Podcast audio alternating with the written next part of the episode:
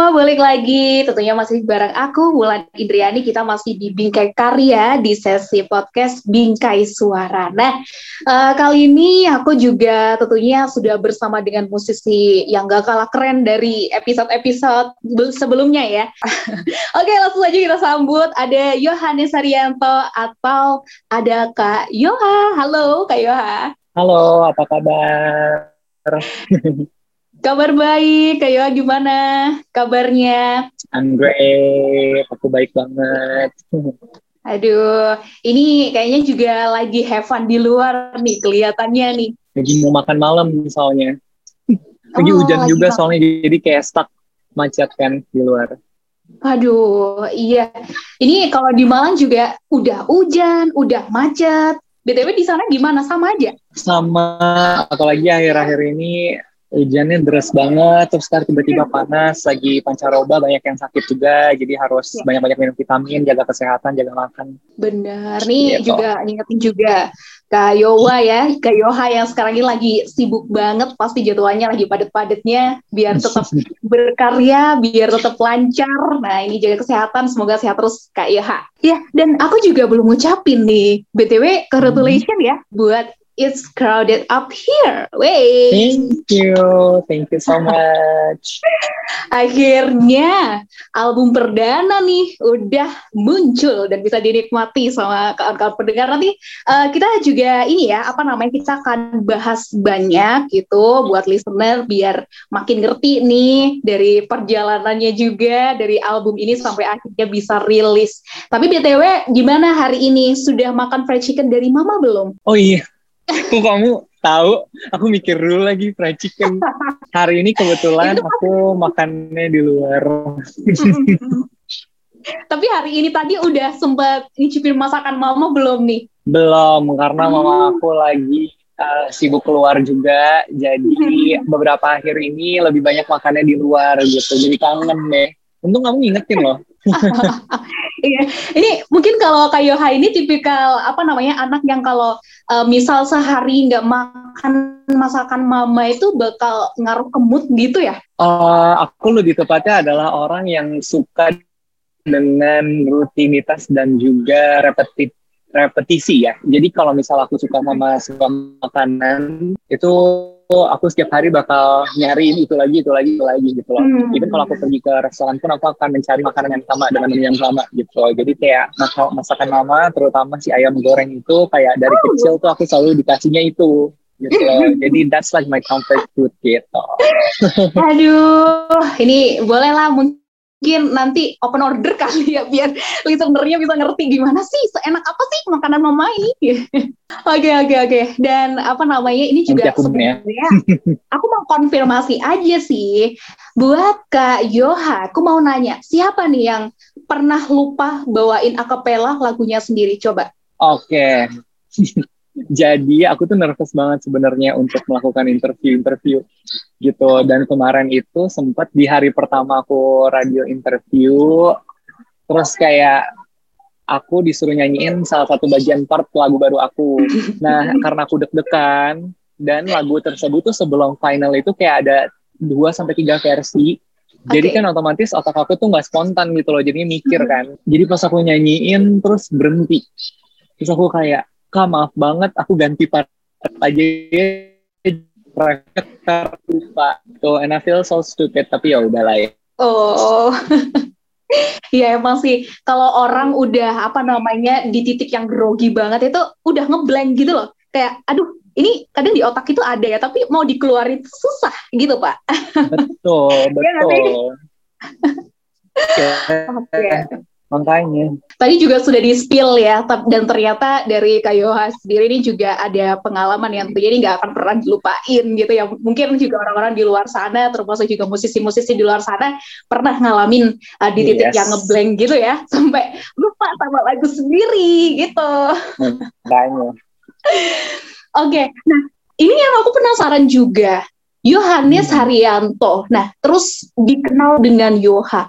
Itu dari nama depannya iya, ya? Iya, sebenarnya ada ada W-nya juga gara-gara ya zaman SD, SMP gitu kan zamannya Twitter tuh baru-baru keluar kan. Lalu kayak ya udah aku iseng aja hmm. bikin nama Yoha gitu.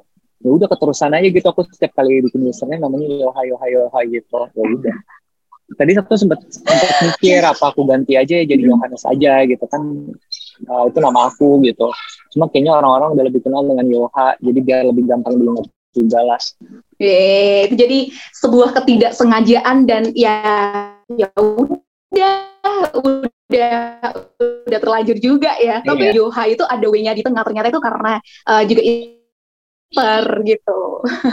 Betul, dari SD. Dari SD bahkan. Nah, ngomongin soal masa kecil sampai jadi Yoha yang sekarang ya, jadi sosok Yoha yang sekarang.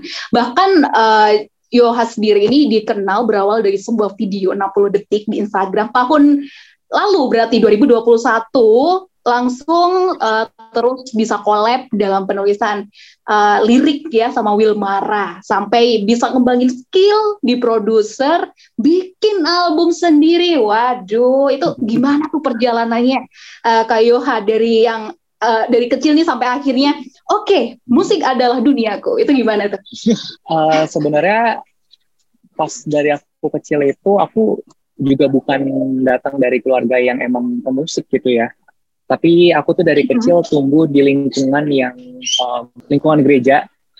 Yang emang setiap minggu itu pasti ada nyanyinya, pasti ada dramanya gitu. Ada teaternya, drama teater ya maksudnya gitu. Dan mungkin dari situlah aku muncul kayak oh setiap kali ada pementasan aku tuh pengen ikut gitu. Dan kalau dulu tuh pas oh.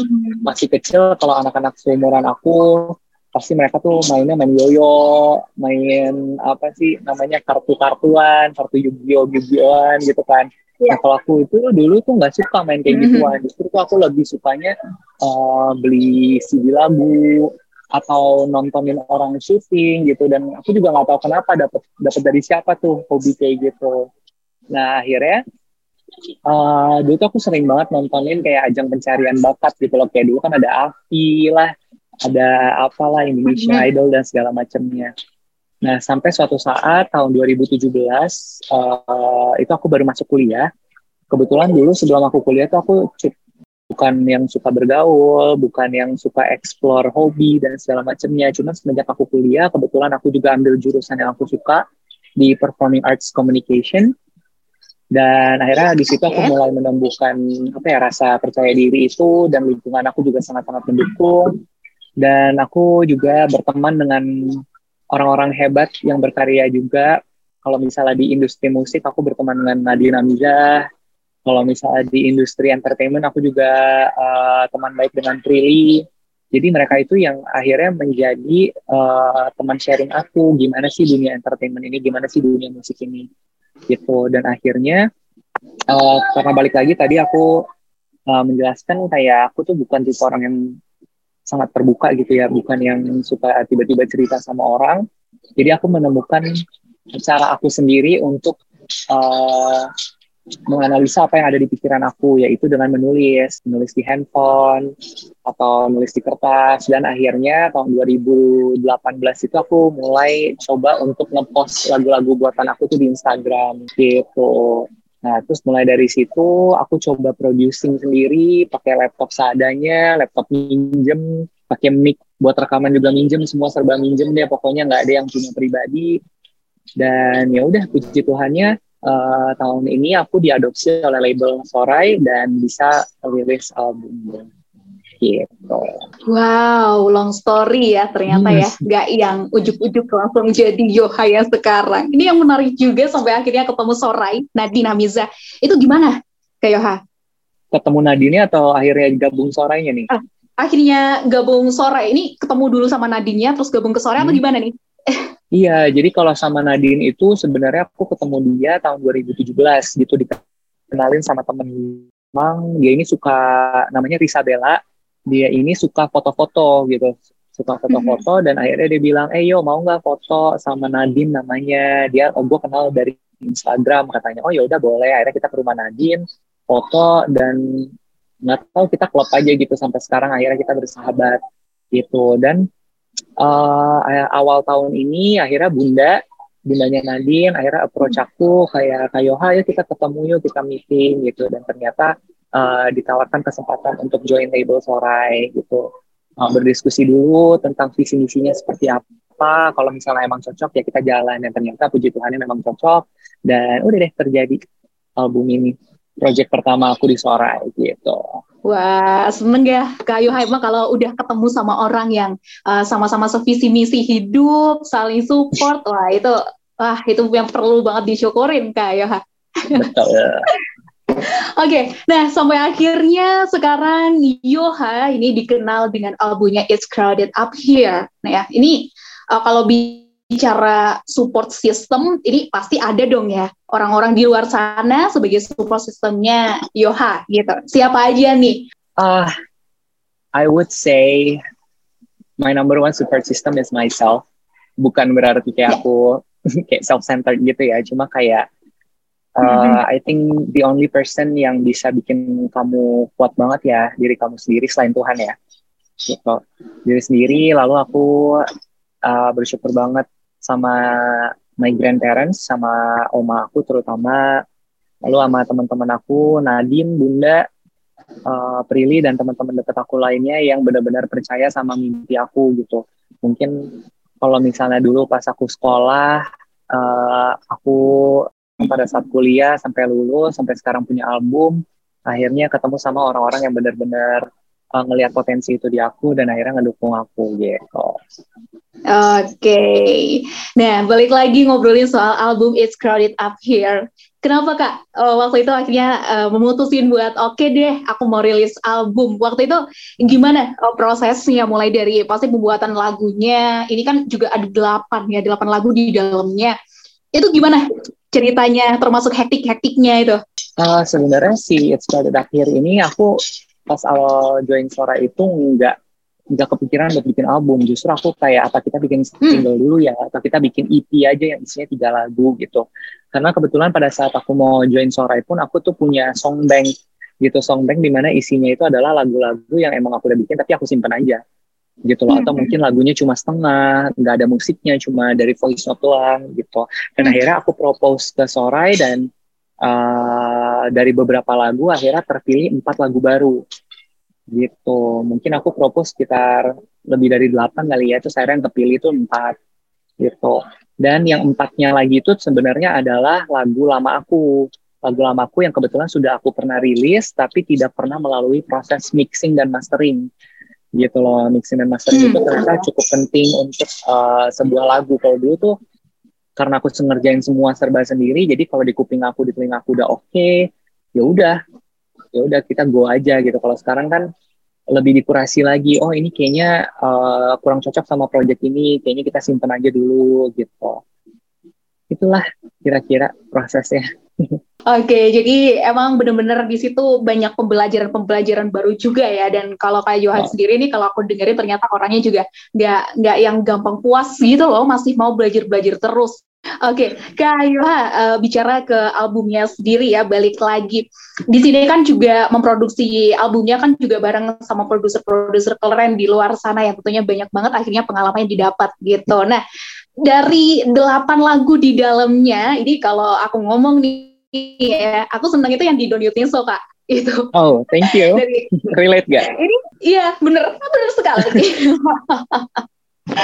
Tapi aku ini deh, apa tertarik sama apa MV MV-nya ya yang sempat aku tonton itu apa? Slow motion ya kak ya? Atau gimana tuh konsepnya?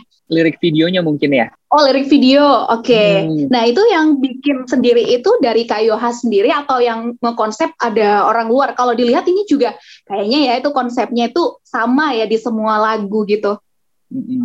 Iya, jadi uh, sebenarnya dari awal aku mau bikin mikirin tentang visual ini tentunya nggak mungkin sendiri ya gitu. Pasti kerjasama sama orang-orang yang hebat juga. Ada campur tangan Nadine ada juga tim kreatifnya. Uh, ada namanya Kak Adi Johan ada Stephanie Azali ada Rashita dan lain-lain. Mereka yang akhirnya eh, kadang-kadang kita tuh kalau ngomong suka bisa aku kasih ide tapi aku tuh nggak bisa mengungkapkan itu dengan kata-kata gitu. Akhirnya mereka kayak oh mungkin mungkin maksud lo tuh kayak gini gini gini gini ya. Kayak iya ya benar maksudnya ini gitu dan kalau misal di setiap lirik video itu pasti ada satu barang yang jadi uh, itemnya gitu di setiap lirik videonya. Dan kalau untuk Shooting Show sendiri uh, itu kan backgroundnya biru, lalu ada hmm. mobilnya gitu kan. Nah itu sebenarnya not, nothing deep sih sebenarnya nggak ada yang terlalu mendalam. Cuma aku pada saat membuat lagu si Don't Shooting So ini aku uh, latar latar yang aku pikirin itu aku lagi ada di dalam mobil uh, malam-malam lalu kayak di bawah lampu lampu parkir gitu loh. Nah gitulah. Jadi makanya aku pengen Oh, oke, okay, oke, okay, oke. Okay. Nah, terus kalau bicara dari apa namanya albumnya ya, yang, yang It's Crowded Up Here, ini kan Kak Yoha juga uh, bilang kalau ini adalah perayaan atas perasaan-perasaan yang Yoha rasakan gitu. Berarti semua lagu-lagu ini based on experience atau gimana nih? Atau berdasarkan curhat-curhat di luar sana? Pastilah gitu. Maksudnya kayak semua lagu di sini of course uh, based on true story. Uh, berdasarkan apa yang aku rasain, berdasarkan apa hmm. yang misalnya kayak aku cerita sama teman, lalu teman aku cerita sama aku, terus aku kayak, hmm, oh ternyata topik ini tuh sering dirasain banyak orang ya, gitu. Dan uh, balik lagi tadi kayak Paulan bilang, it's a celebration of feelings, perayaan atas perasaan-perasaan, karena aku merasa bahwa bany masih banyak orang yang suka men, apa ya, tidak memvalidasi perasaan orang lain. Gitu. Contohnya, kalau misalnya uh, ada salah satu teman kita bercanda ke kita, terus kita merasa bahwa itu berlebihan, lalu kita merasa sedih atau misalnya kita merasa down, lalu kita suka dikatain kayak, oh lu baperan sih, gitu. Kalau digituin doang marah sih, gitu kan. Dan menurut aku sih eh, nggak uh, ada orang yang terlalu sensitif, nggak ada orang yang uh, too much lah ya istilahnya gitu. Karena kan setiap orang pasti datang dari latar belakang yang berbeda-beda gitu. Nah, aku pengen album ini bisa menjadi peneman uh, orang-orang yang merasakan seperti itu gitu. Aku mau orang-orang kayak ya udah kalau kamu punya sebuah perasaan di hati ya seharusnya itu dirasain gitu loh. Jangan ditolak gitu. Kalau nggak nanti malah makin sakit gitu. Wah, ini berarti kalau uh, listener nemuin album dari Kak Yoha ini kayak ngerasa benar katanya kayak aku setuju banget sih nggak semua orang itu bisa apa namanya menerima validasi perasaan yang kita rasain gitu nah aku mau ngomongin Don't You Think So yang ini juga relate banget sama aku ini kan okay. juga yang jadi sorotan kak Yoha ya so. di album ini nah Don't Don't You think so. Ini kan nyeritain kayak perbedaan perspektif dalam sebuah hubungan. Kalau aku nangkepnya itu jadi uh, dua orang kayak yang satu ini dia itu sebenarnya pengen memvalidasi gitu loh. Dia itu uh, lebih ke konfirmasi ya. Sebenarnya yeah. hubungan kita ini mau dibawa ke mana sih, beb? Gitu. Hmm, yes, betul.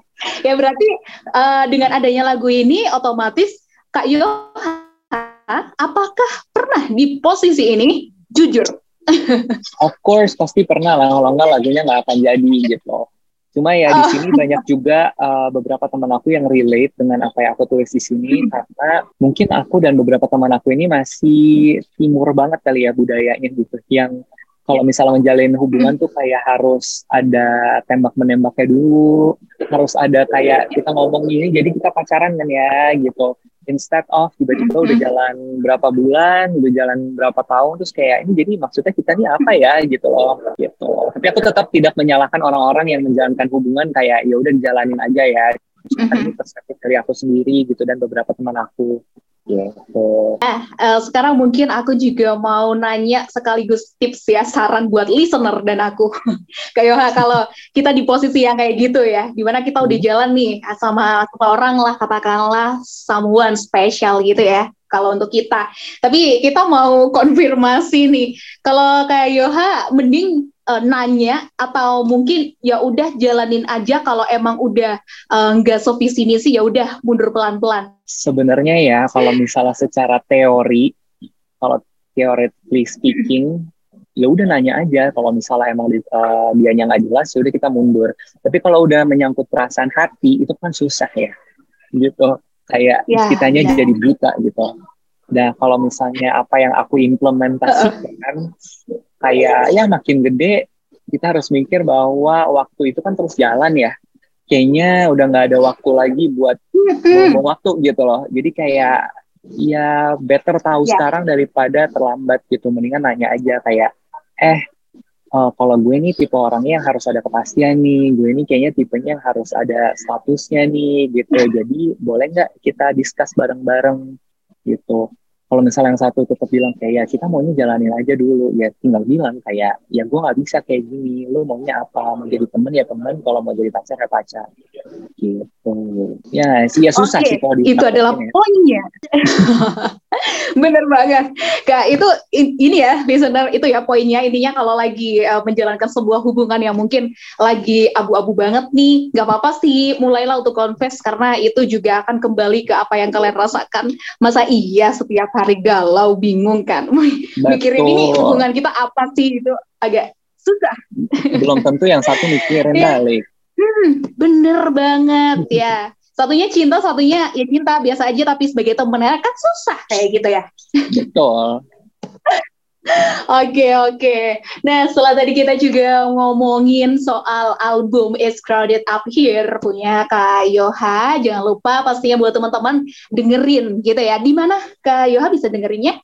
Dengerinnya bisa di mana aja tentunya. Ada di Spotify, Apple Music, di Juk, Reso, di YouTube juga ada kalau mau sing along. Oke, jadi bisa didengerin ke di semua platform musik ya. Dan kalau saran aku oh. jangan lupa mampir ke YouTube-nya itu bisa ngeliat sekalian kan dari Betul. lirik uh, videonya gitu. ya, uh, btw boleh nggak sih spill dikit salah satu lagunya dikit aja gitu? Oke oke oke. Aku takut lupa lagi deh. Deg-degan soalnya. yuk, bisa nyanyi yuk. pre-chorusnya aja ya. Ya, oke okay. okay, silakan. Listen the hopes high as we keep our things slow. You said just let it flow. Let's take it slow. Now I know that you lied. You took me on one hell of a ride. Was all you ever wanted. A test drive more than just friends, don't you think so? Gitulah kira-kira. Yeay!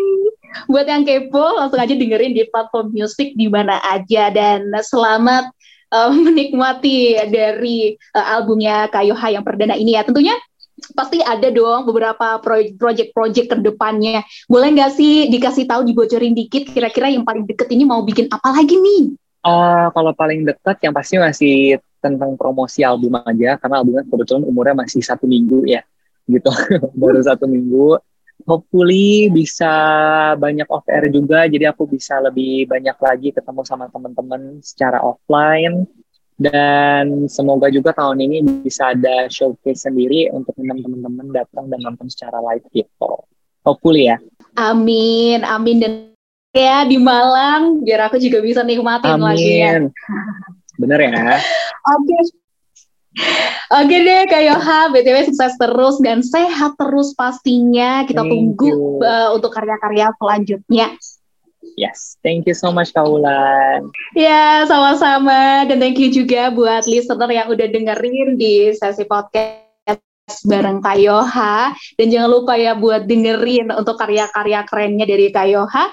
Sampai jumpa di episode-episode lainnya tentunya sama aku Bulan Indriani dan musisi-musisi lainnya. Bye.